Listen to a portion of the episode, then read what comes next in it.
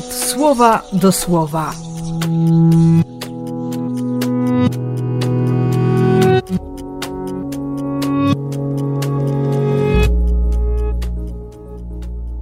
Dwudziesty trzeci listopada, czwartek.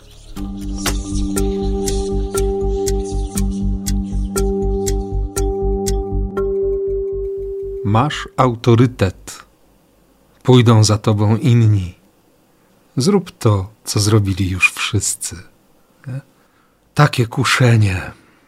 A Matatiasz, cała jego rodzina, ma jasne, bardzo jasne, konkretne spojrzenie. Ani w prawo, ani w lewo, po prostu ta droga, którą, którą Bóg dał przez swoje prawo. Droga przymierza. Droga przymierza jest drogą w ciemności. Jest drogą, gdzie, gdzie się za wiele nie widzi i łatwo się pogubić. Ale z drugiej strony dzieje się to, co Bóg obiecał Jakubowi. Będę z tobą dokądkolwiek pójdziesz.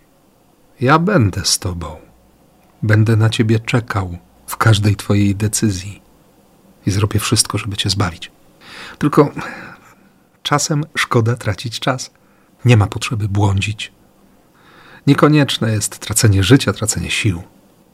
Droga Matatiasza to, to góry, to pozostawienie wszystkiego, co posiadają. Ale to będzie też droga zwycięstw, droga odbudowy świątyni, bo wiedzą, kim są. I to jest właśnie pytanie, które zadaje dzisiaj Jezus, kiedy się zatrzymuje na, na stoku Góry Oliwnej, ma przed sobą całą panoramę Jerozolimy i, i właśnie, i mówi: Jeruszalaim, miasto pokoju. Ty nie wiesz, kim jesteś. Nie rozpoznajesz. Od razu przypomniała mi się ta modlitwa świętego Franciszka, o której mówiłem w niedzielę tutaj we wspólnocie naszej parafialnej. Kim jesteś ty? Kim jestem ja?